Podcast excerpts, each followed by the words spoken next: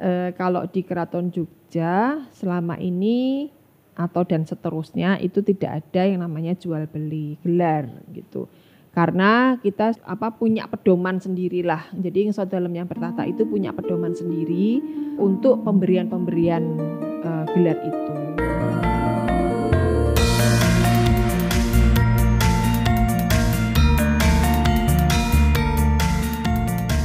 Salam Rahayu, kembali lagi di podcast Rembuk Roso Putri Kedaton.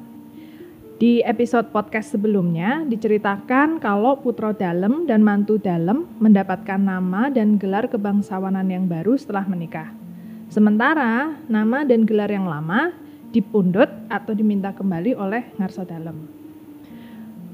Ngomong-ngomong tentang gelar kebangsawanan, sebenarnya siapa aja sih yang menyandang atau yang berhak mendapatkan apa aja gelar-gelar yang ada di Keraton Yogyakarta?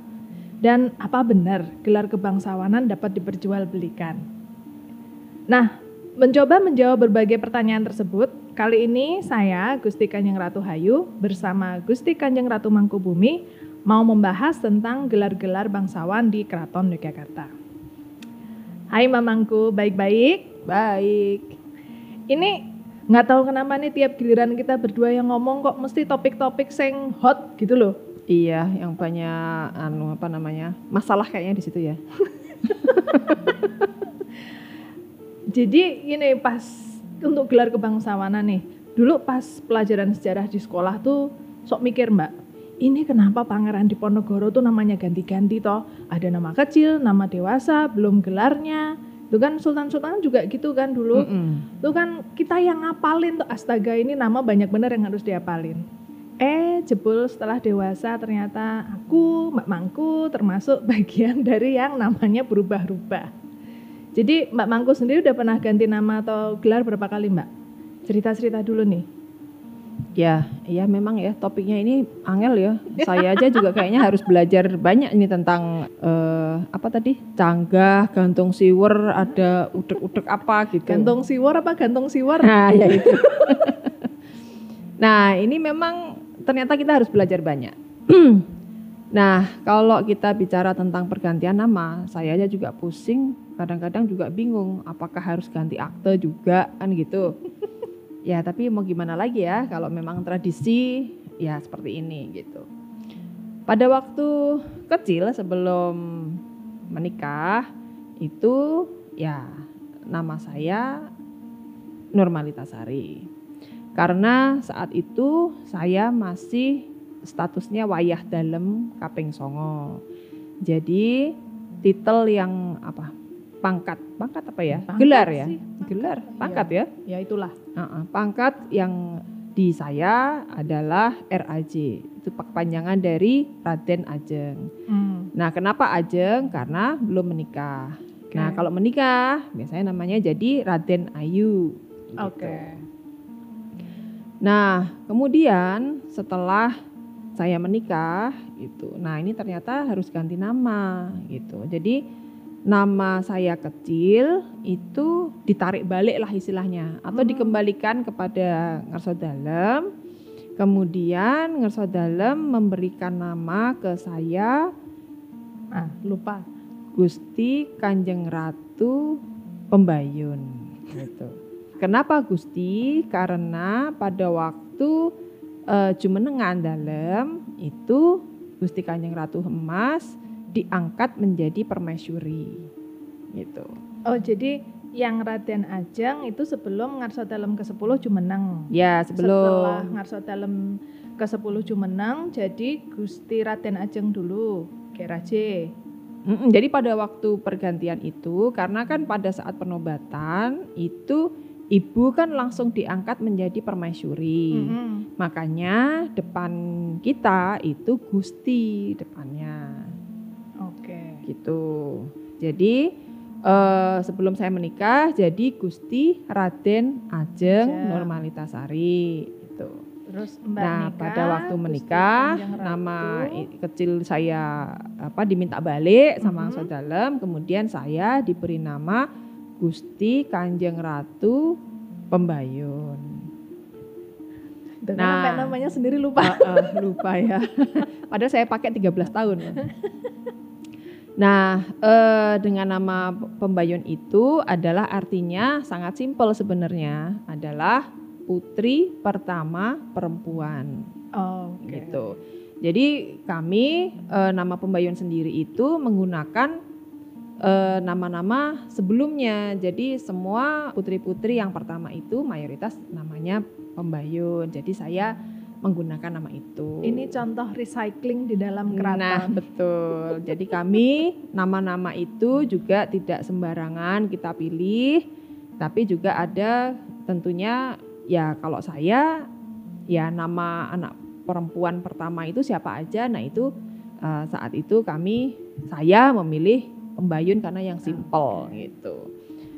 Nah, kenapa kami juga GKR? Karena itu lagi bahwa kenapa sama ya sama ibu? Ibu kan juga Gusti Kanjeng Ratu gitu. Ya karena eh, ibu eh, dari awal pada waktu penobatan itu sudah diangkat langsung menjadi permaisuri. Begitu. Nah, lain apabila lain kita akan lain titelnya pada saat itu jika ibu saat itu belum diangkat menjadi permaisuri. Oh, Oke. Nah, kalau belum menjadi permaisuri, itu mungkin depan kita Bendoro. Oke. Bendoro Radenayu. Eh, Bendoro Radenayu ya karena sudah menikah gitu. Oke. Jadi nggak pakai Gusti depannya. Gitu. Ya, nah kemudian setelah menikah di tahun 2015 kemarin terakhir saya berubah lagi nama saya jadi Gusti Kanjeng Ratu Pembayun disuwun lagi sama Ngso Dalem terus berganti menjadi Gusti Kanjeng Ratu Mangkubumi. Nah, ini berganti karena eh, setelah Dawo Raja di tahun 2015. Jadi totalku itu ganti berapa kali ya? Empat kali ya. Hmm. Bingung nggak itu? Ayo tadi nampak namanya aja udah lupa tuh. Heeh, sampai namanya lupa. Ya, jadi ini kan banyak tadi kita membicarakan gelarnya anak dari permaisuri. Berarti kan kalau yang yang dulu tuh kan ada permaisuri, ada garwo uh, patmi, ada dan lain-lain semakin ke belakang itu semakin banyak eh, istilahnya. Berarti kan gelarnya anak-anak sultan itu bermacam-macam toh. Gimana nih, Mbak? Ya, di Keraton Jogja ini gelar kebangsawanan itu diperoleh dari garis keturunan. Gitu. Jadi eh, yang benar-benar di jalurnya gitu apa eh, Terah gitu. terah gitu, alur alur eh, keturunan. Nah, maupun ada anugerah juga ya, penghargaan. Nah, gelar keturunan itu eh, merupakan gelar yang apa ya dikasih diberikan eh, berdasarkan pertalian darah tadi. Yang anu ya jadi terah itu tadi ya jadi sedarah pertalian darah.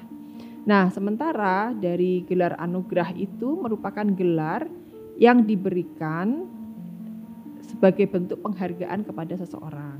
Nah biasanya itu mengabdi sudah cukup lama tanpa pamrih dan sebagainya jadi di kita ini ya tidak ada lah ya jual beli gitu ya. Jadi Ah. kita eh, anugerah itu eh, biasanya mengabdi itu sampai ada yang 25 tahun, ada yang 30 tahun gitu. Nah, baru eh, diberi anugerah gelar itu gitu. Nah, biasanya udah pada sepuh-sepuh ini yang yang apa namanya diberikan.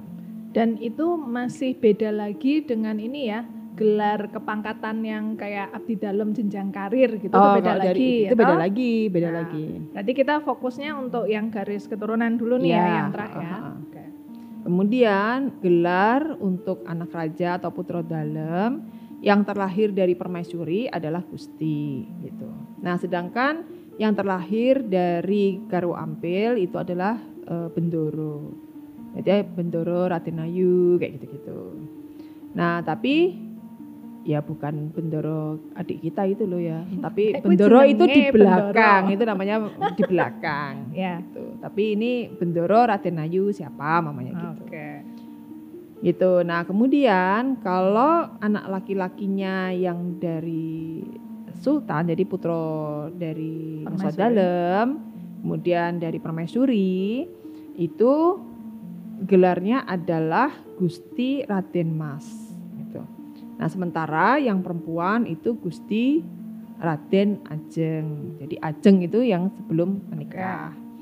Nah, seperti kita dulu lah pada waktu ibu dilantik Mhm. atau penobatan ngesot dalam itu karena langsung diangkat jadi permaisuri, makanya kita berubah dari Raden Ajeng jadi Gusti Raden Ajeng. Nah, kalau anak-anak sultan dari istri yang bukan permaisuri itu gelarnya Bendoro Raden Mas atau Bendoro Raden Ajeng gitu. Itu yang sebelum menikah. Gitu. Ini ini mungkin udah pusing ini yang dengerin. Heeh. Jadi Bingung. mungkin gini untuk contohnya ketika dulu Ngarsa dalam ke-10 itu belum Jumeneng. Jadi Mhm. masih eranya Ngarsa dalam ke-9.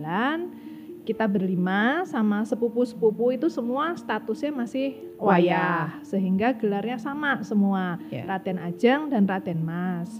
Nah, begitu Ngarsa dalam ke-10 itu Jumeneng, itu tadi yang gelar Gusti itu hanya diperuntukkan dari Putra Dalem. Ya. Jadi makanya kami berlima itu gelarnya ditambahin Gusti depannya. Sementara sepupu-sepupu kita tetap Raden Mas dan Raden Ajeng. Kurang lebih seperti itu kisarannya.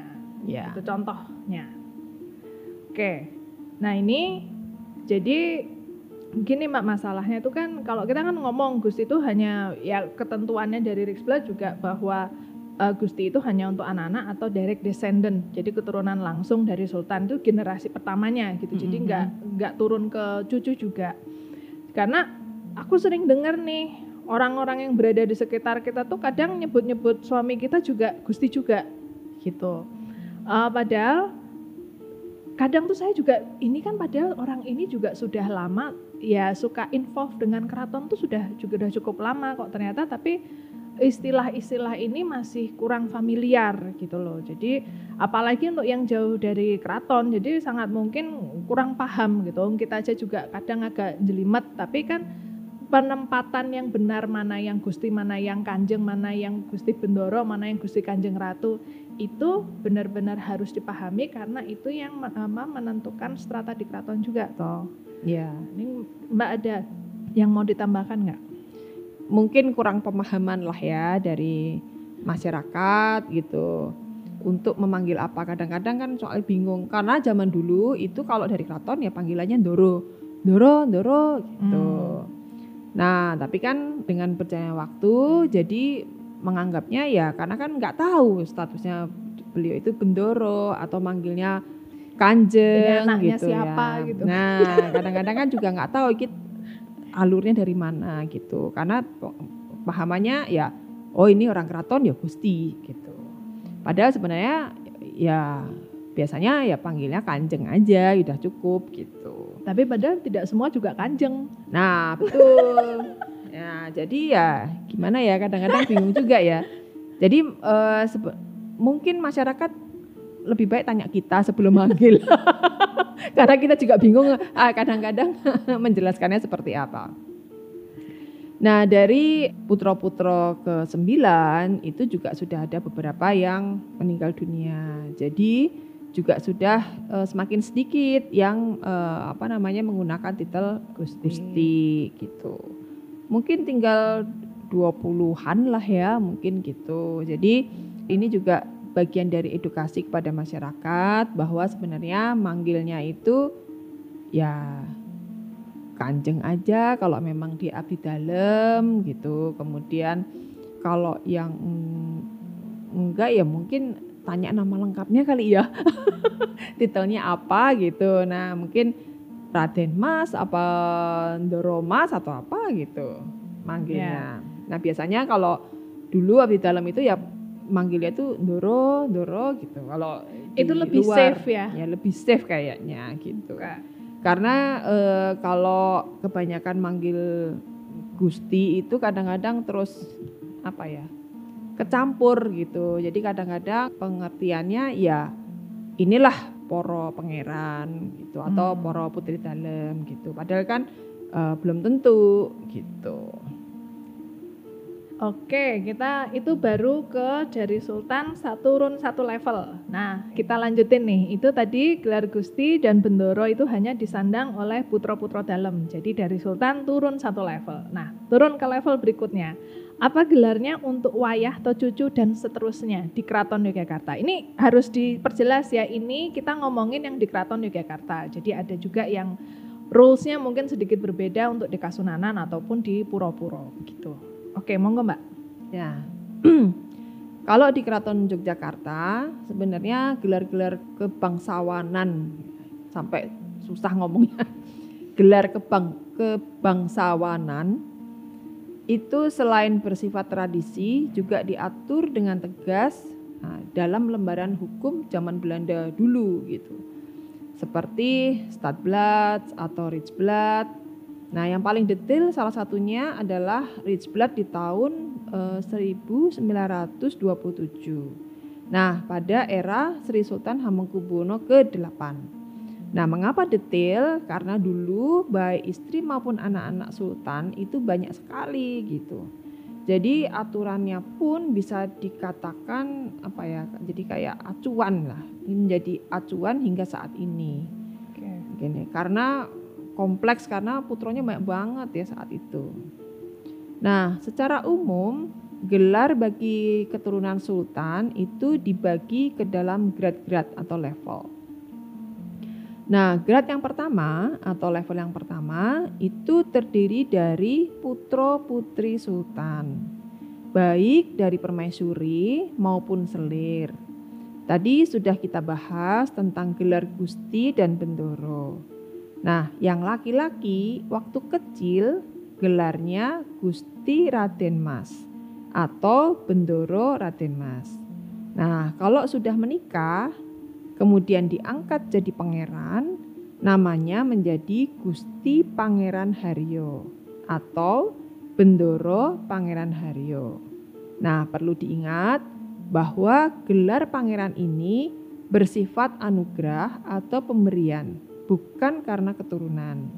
Jadi nggak semua anak laki-lakinya dari Meso Dalam itu berhak menyandang gelar pangeran. Hmm. Itu dan logikanya gelar pangeran itu juga bisa ditarik atau diambil. Oke, nggak semua bisa jadi pangeran. Oke. Hmm. Nah, masih di grade yang pertama, lanjutannya nih.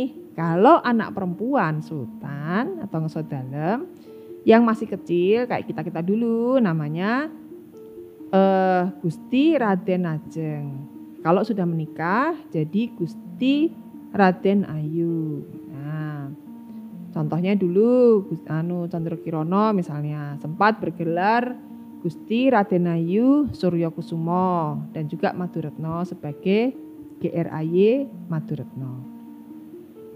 Nah, gelar tertinggi nah bagi perempuan di Keraton Jogja adalah Gusti Kanjeng Ratu. Sama dengan gelar bagi permaisuri. Nah, yang ini kadang membuat bingung masyarakat. Intinya, selain Prameswari dalam, gelar Gusti Kanjeng Ratu ini bisa disandang oleh putri-putri ngesodalem yang lahir dari permaisuri. Nah, contohnya uh, kita semua dari Sinuun ke-10. Kemudian pada era ke yang Sinuun ke-6 atau ke-7 itu juga banyak sekali gelar Gusti Kanjeng Ratu yang merupakan putri permaisuri seperti Gusti Kanjeng Ratu Condro Kirono, Gusti Kanjeng Ratu Sasi, Gusti Kanjeng Ratu Dewi, Gusti Kanjeng Ratu Angger dan sebagainya. Tuh. Oke, itu baru turun satu. Nah, oh, baru turun satu, itu ya, belum lagi. Nah, ya turun berikutnya, cucu-cucu nah, Sultan. Ayo. Kemudian yang grade kedua nih. Ah. Nah, grade kedua itu adalah cucu-cucu dari Ngesodalam. Nah, di Jogja yang laki-laki bergelar Raden Mas dan yang perempuan bergelar Raden Ajeng. Nah, kalau udah menikah, nah mereka jadi Raden Ayu gitu ya. Tuh. Kemudian kalau yang laki ya tetap menjadi Raden Mas. Turun lagi nih, hmm. jadi grade 3 atau level 3. Untuk generasi ketiga dan keempat, yaitu buyut dan canggah dari Ngesodalam. Pada grade ketiga, gelar yang disandang oleh buyut dan canggah sama dengan grade yang kedua. Jadi Raden Mas sama Raden Ajeng atau Raden Ayu. Berarti Raden Mas Raden Ajeng itu berlaku untuk cucu, buyut dan canggah. canggah. Itu Ya, sama ya berarti. sama. Oke. Nah, perlu digarisbawahi kalau cucu sampai canggah itu di Jogja sering disebut sebagai Ndoro atau orang yang menyebutnya Ndomas, Ndoromas Hmm. gitu. Misalnya tapi gelar resmi ya Raden Mas atau Raden Ayu gitu. Nah, Oke. makanya sebutan Ndoro itu tadi. Oke. Gitu. Nah, turun lagi di grade keempat. Keturunan kelima hingga seterusnya. Jadi gelar yang disandang sebelum menikah adalah Raden Bagus untuk laki-laki dan Raden Roro untuk perempuan. Nah, apabila mereka sudah menikah, gelarnya Raden Bagus berubah menjadi Raden saja. Kemudian yang Raden Roro berubah menjadi Raden Nganten gitu. Nah, berarti kesimpulannya ini eh, yang disebut sentono itu sampai canggah aja. Hmm. Itu berarti empat generasi. Nah, ke yang keturunan kelima dan seterusnya itu sebutannya trah. Terah. Oke, baik. Eh ya, jadi itu tadi berdasarkan grade atau tingkatan keturunan. Jadi nek sekilas, sekilas banget. Sebenarnya di Jogja itu gelarnya malah simpel ya, Mbak. Lebih simpel ya. Jadi nggak terlalu banyak sebutan. gitu. Kecuali kalau abdi dalam ya. Kalau abdi dalam kan cukup banyak tuh. Oh ya, ada jajar, ada Ya. bekal, ada- ya. Ya, tapi kalau yang tadi apa Sentono sampai terah itu sebenarnya sangat simpel. Oke. Nah, seperti yang kita bahas tadi, kalau di Keraton Jogja justru masih mengikuti pola lama yang juga tertulis di Stadblad ataupun di Rijksblad. Nah, tapi juga perlu dipahami bahwa terkait gelar dan segala kebijakan di keraton juga bisa berubah apabila ada kerso dalem atau kehendak ngerso dalem. Jadi misalnya ketika Eyang Sinun ke-9 memilih untuk tidak mengangkat permaisuri, maka gelar awalan bagi putra-putrinya adalah Bendoro Raden Mas dan Bendoro Raden Ajeng. Nah, setelah putri-putri beliau dewasa dan menikah, kemudian Eyang Sinun ke-9 menganugerahkan gelar Gusti kepada semua putra-putrinya sehingga yang laki-laki menjadi Gusti Bendoro Pangeran Haryo dan yang perempuan menjadi Gusti Bendoro Raden Ayu. Jadi hampir sama ya. Tapi kalau garwonya poro pangeran itu hanya Bendoro Raden Ayu. Oh, Depannya nggak pakai Gusti. Gusti. Jadi yang pakai Gusti, yang putro langsung dari Ngesodalam ke-9. Tuh. Berarti pada prinsipnya itu kembali lagi. Jadi sultan itu berhak untuk memberikan perubahan terhadap gelar ya, Mbak. Ya, Dan ini juga terjadi pada masa sultan-sultan yang bertahta sebelumnya. Lanjut, Mbak. Jadi kok tadi kan gelar yang berdasar garis keturunan. Mm-mm. Kalau yang sifatnya pemberian atau status kehormatan gimana, Mbak? Nah, kembali lagi kalau gelar yang tertinggi tentunya disandang oleh Sodalem ya. Mm-mm. Karena beliau pun berhak untuk memberikan modifikasi atau perubahan gelar-gelar yang ada di keraton gitu. Jadi mengikuti perubahan yang ada, tapi tentunya adat-adat juga tidak bisa ditinggalkan. Nah, untuk gelar-gelar yang diberikan atas dasar status pemberian atau tanda kehormatan antara lain eh, gelar bagi permaisuri sultan di Jogja adalah Gusti Kanjeng Ratu. Nah, inilah keistimewaan permaisuri karena walaupun misalnya bukan dari keturunan langsung sultan, tapi berhak menyandang gelar Gusti. Ya karena istri beliau. Kemudian kalau gelar bagi Garwo Ampil itu beragam. Salah satunya ada Kanjeng Bendoro Raden Ayu. Nah, kita tahu toh eyang-eyang garwonya ke-9 itu itu juga gelarnya Kanjeng Raden Ayu Oke. Itu itu garwonya Eyang Sinuwun ke-9. Nah, kemudian juga ada sebutan Kanjeng Gusti. Kanjeng Gusti ini hanya berlaku bagi tiga orang saja, yaitu putra mahkota, adipati Pakualam, dan pangeran lurah. Nah, jadi hanya tiga yang sebutannya. Kadang-kadang kita juga manggilnya Kanjeng Gusti gitu. Jadi hanya untuk putra mahkota, adipati Pakualam, dan pangeran lurah. Pangeran lurah itu adalah adiknya yang Sodalem yang tertua. Oh, jadi Gitu. cuma satu ya KGPH Itu juga. satu, ya. Nah, ini yang harus dicermati bahwa awalan Kanjeng Gusti itu pangkatnya berbeda dengan awalannya Gusti Kanjeng. Nah, betul. Jadi, Jadi di- urutan menentukan. urutan ya, menentukan betul. Kemudian ada juga yang gelarnya Kanjeng Panembahan. Nah, ini adalah sebutan bagi putra ngesodalem yang mendapat anugerah tertinggi karena jasa-jasanya terhadap raja dan negara. Nah, misalnya Eyang Panembahan Purboyo itu kan diberi gelar Panembahan.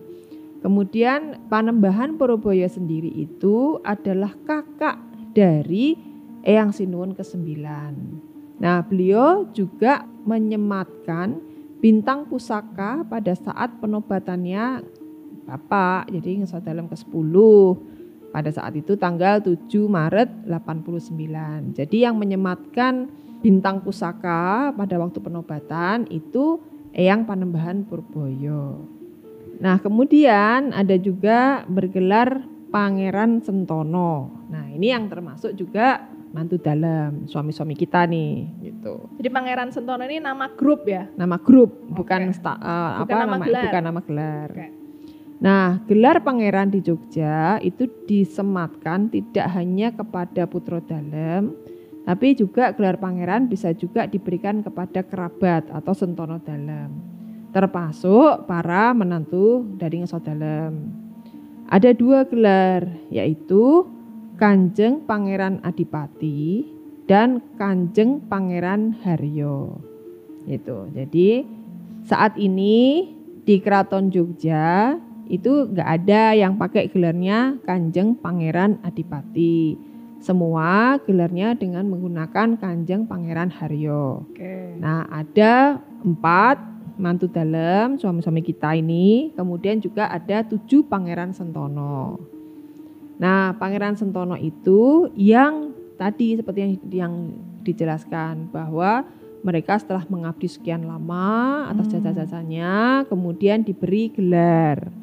Nah, dari tujuh Pangeran Sentono itu adalah Kanjeng Pangeran Haryo Suryo Hadiningrat, kemudian eh, Kanjeng Pangeran Haryo Yudo Yudo. Hadiningrat, kemudian ada Kanjeng Pangeran Pujaningrat, kemudian ada Kanjeng Pangeran Haryo Probonegoro, kemudian Kanjeng Pangeran Haryo Mangunkusumo, kemudian Kanjeng Pangeran Haryo Projonegoro dan Kanjeng Pangeran Haryo Kusumo Hadiningrat.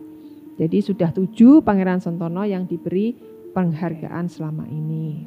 Jadi kalau ada dari dari pendengar ini ada yang membaca ini namanya KPH siapa? Kalau tidak dalam list tadi tujuh, coba dicek itu mantu bukan kan udah jelas mantu itu siapa aja. Kalau bukan mantu kira-kira ya mungkin itu KPH-nya bukan dari Keraton Jogja. Dari Jogja. Karena dari eh, Kasunanan juga bisa. Ya. Dari aku nggak tahu kalau Puro Mangkunegaran tapi kalau Puro Pakualaman kan juga ada KPH. Ya, ada. Gitu. Jadi ini bukan monopolinya Keraton Yogyakarta.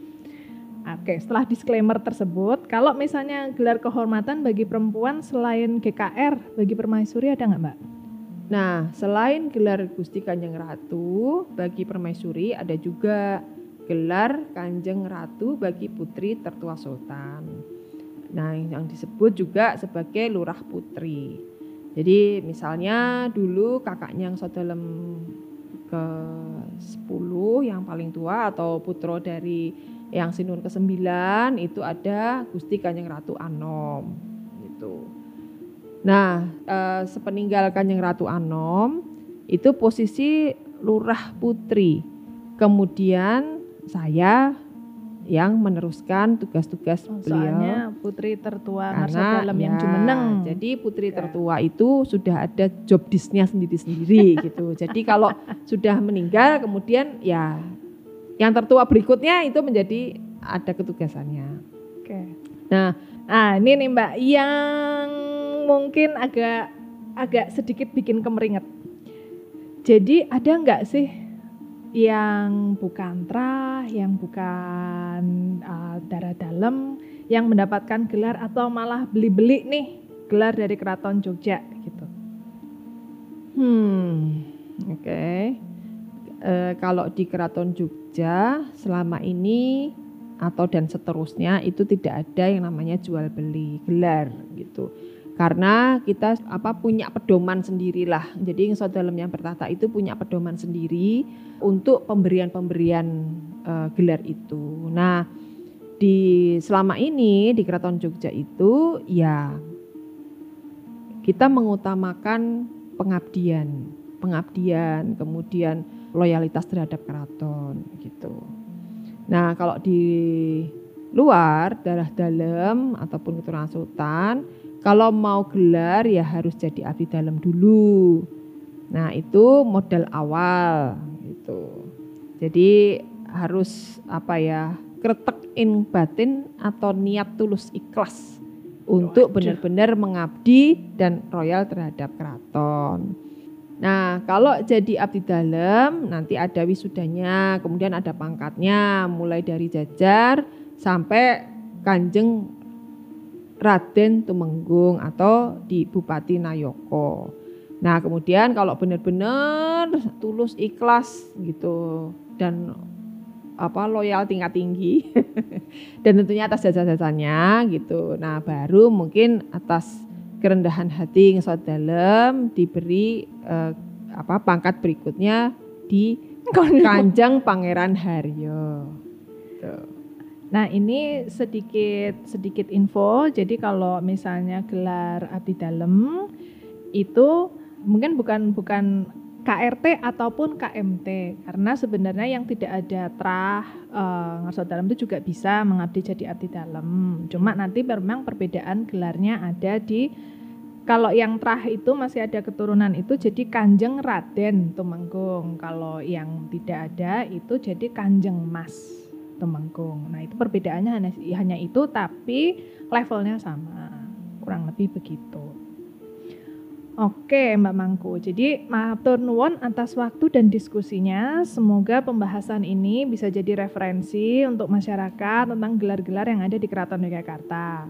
Jadi nanti kalau ada yang ngaku-ngaku nawari gelar atau tipu-tipu orang dengan gelar tinggi di keraton saya tuh pangkatnya Gusti itu sudah bisa nyari gitu. Kira-kira bener nggak sih ada dalam list Gusti di keraton Yogyakarta. Jadi semoga masyarakat jadi semakin tahu mengenai kebenarannya. Jangan males untuk ceki-ceki sedikit gitu. Jadi untuk semua pendengar podcast Putri Kedaton, sampai jumpa menyambung rasa dalam rembuk rasa berikutnya. Para